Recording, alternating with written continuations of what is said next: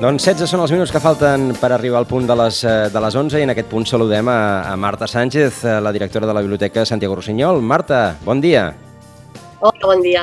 Per repassar, com sempre, com més o menys cada mes, eh, aquesta agenda de les biblioteques, em deixaràs que, que, que, que et faci un comentari d'entrada de, i és que en la, en la seva píndola d'opinió avui, un dels nostres col·laboradors, en Lucas Estruc, eh, ha, ha lluat el, el, el, el fet que, que allò que les, que les biblioteques, a part de l'espai jove, eh, siguin el lloc eh, d'estudi mm, de, de, molts, de molts joves que precisament avui han començat a enfrontar-se a la prova de la, de la selectivitat, aquell, aquell espai que, que els permet doncs, eh, tenir un, un punt de, de concentració necessària per, aquesta, per aquest estudi.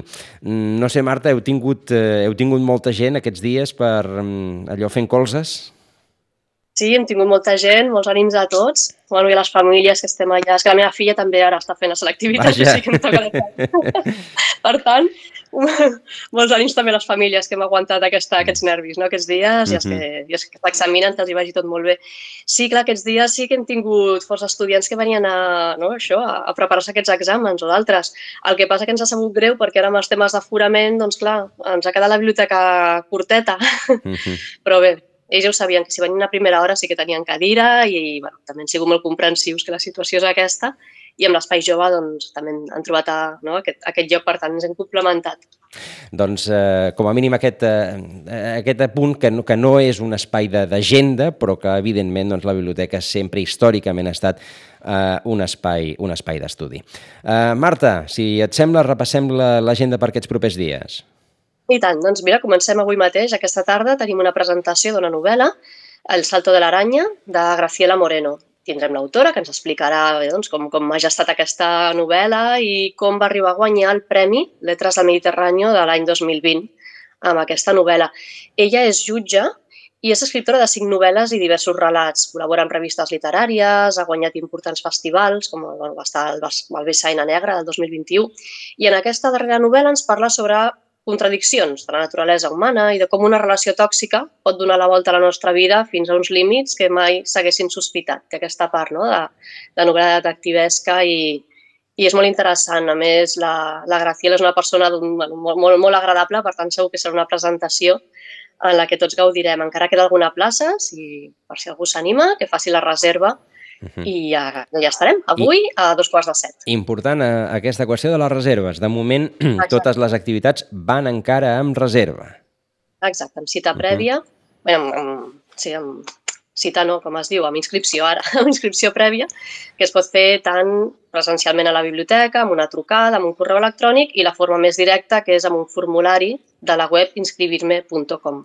Inscribirme.com que quedi, uh -huh. que, que quedi clar que doncs, la, els usuaris habituals ja se la deuen, ja se la deuen haver. Uh, el dijous, dijous dia 10, tenim l'Hora del Conte, l'última d'aquesta temporada, a la Biblioteca Santiago Rossinyol. És una del conte que es titula Rodar i rodar. Si ho veiem escrit seria un rodar i rodar. I és un homenatge a Gianni Rodari, el genial autor que, com els nens que venen de visita a la, a la biblioteca, que tenia una imaginació que se li desbordava pel cap i de qualsevol cosa n'escrivia un conte, n'escrivia una història fantàstica, Gianni Rodari, i l'any passat va ser el 100 aniversari del seu naixement. Hem allargat aquesta celebració perquè se la mereix i l'any passat no vam poder-ho fer com calia. Per tant, hora del conte, rodar i rodar a càrrec de la maleta portàtil, un homenatge a Gianni Rodari. D'acord. També amb aforament limitat. Aquí sí que ja la cosa va justeta. Eh, no sé si quedaven masses places. Si algú està interessat en venir, que, que ho miri o ens truqui i ho acabem d'ajustar. Quines ganes d'acabar amb això dels aforaments, eh? Moltes ganes, clar, perquè la nostra sala tampoc és especial, no, és una sala petita, no? la sala Lolita Miravent com a sala d'actes, i ara sí que s'ha ampliat l'aforament al 70%, però mm, prima per sobre el tema de la distància d'un metre i mig, per tant, aquest 70% per nosaltres, o per, no, en sales petites no ens ha solucionat poder ampliar uh -huh. la cabuda. I estem això entre 15 i 18 persones, clar, és, és poquet, però encara que la poguéssim allargar fins al 70%, pel tema d'aquest metre i mig no ho hem pogut fer. D'acord. Uh -huh. Divendres 11 tenim una altra presentació d'un llibre, Els vells, aquella nosa, de la Cèlia Sánchez Mústic. L'acompanyaran la Carola Fernández i la Nati Soler Alcaide. A Sitges és conegudíssima la Cèlia i a més li tenim molt carinyo i sabem tot el carinyo que ella també ha posat en aquest llibre. Eh, no és novel·la, no és ficció, tot el contrari, és la seva realitat i la seva experiència de molts anys al costat d'una mare i d'una àvia dependents i ho amaneix també amb la recerca detectivesca d'una amiga perduda entre residències geriàtriques.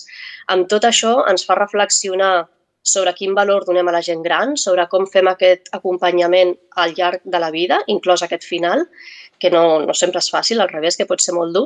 I l'autora ens fa una elogi de quarta edat que ens posa un mirall al davant no? i ens fa reflexionar sobre com tractem a la nostra gent gran, també amb el seu, amb el seu toc d'humor, no? que la sèrie doncs, també té aquesta tendresa i en el llibre doncs, també a moltes estones ens farà somriure per tant, bé, serà una presentació molt bonica i molt emotiva, jo crec. Uh -huh, precisament, precisament la, la Carola va parlar fa, fa uns mesos a, a, a la Cèlia quan va, quan va sortir precisament a, aquest llibre. Uh -huh. Serà el divendres 11 a dos quarts de set a la Biblioteca Santiago Rossinyol. Uh -huh. El dimarts 15 tenim una altra presentació d'una novel·la, La Molina Caso Cerrado, de Helen Fix, a càrrec també de l'autora, i de la Rosa Querol, que és coordinadora de Mucho Más que un libro.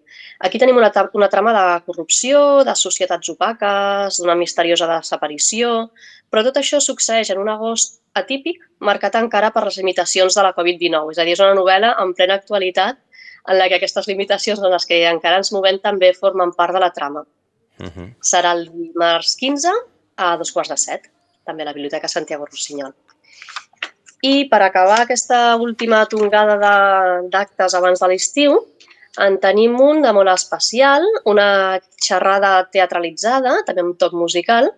És un homenatge a la Boris Vian, el poeta. El títol d'aquest acte és Manual de supervivència, homenatge a Boris Vian, i està a càrrec de l'escriptor Lluís Anton Baulenes, que també és un dels traductors destacats de, de Boris Vian, entre molts altres. En Baulenes doncs, és un molt bon traductor també, a part d'escriptor.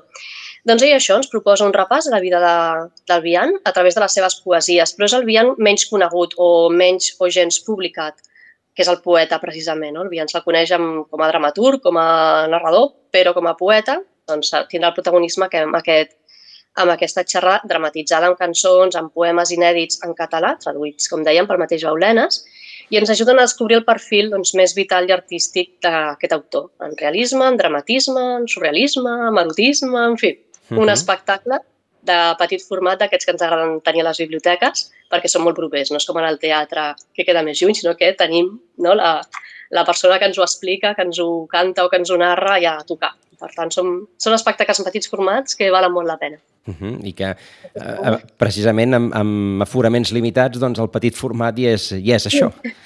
Sí, també, a més a més. Serà el dijous 17 a dos quarts de set de la tarda a la Biblioteca Santiago Rossinyol. També queden places encara, per tant, a omplir-ho. Uh mhm. -huh. Després tenim l'exposició que anem fent a les vitrines. Han marxat els gegants americanos per, mm, des d'aquí un agraïment també a les cubanites i en fi, a tothom que ha estat implicat en aquesta exposició i ha sigut un luxe i una cosa molt bonica tenir els gegants a la biblioteca durant aquests dies. Ens ha agradat moltíssim i bueno, també ho volia agrair. Mm. Doncs han marxat aquesta exposició de, dels gegants americanos i arriba l'exposició de Santiago Rossinyol per commemorar el 90è aniversari de la seva mort, que va ser el 13 de juny, però també el 160è del seu naixement. Per tant, amb, amb els anys que acaben amb, amb 1, el Santiago Rossinyol fa aniversari.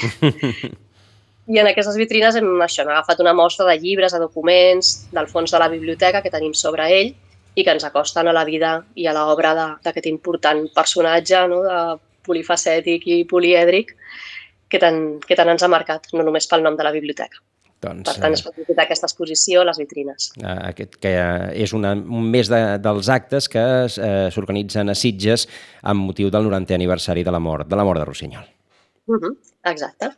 I uh, pels nois i noies, pels nens i nenes, a part d'aquesta hora del conte que comentàvem, del Gianni Rodari, hem fet el lliurament, bueno, estem fent ara aquests dies el lliurament de diplomes i obsequis als participants del Puja al tren i de la Marató de Lectura. Felicitats a tots ells, poden venir a buscar el seu diploma i el seu petit obsequi a la biblioteca.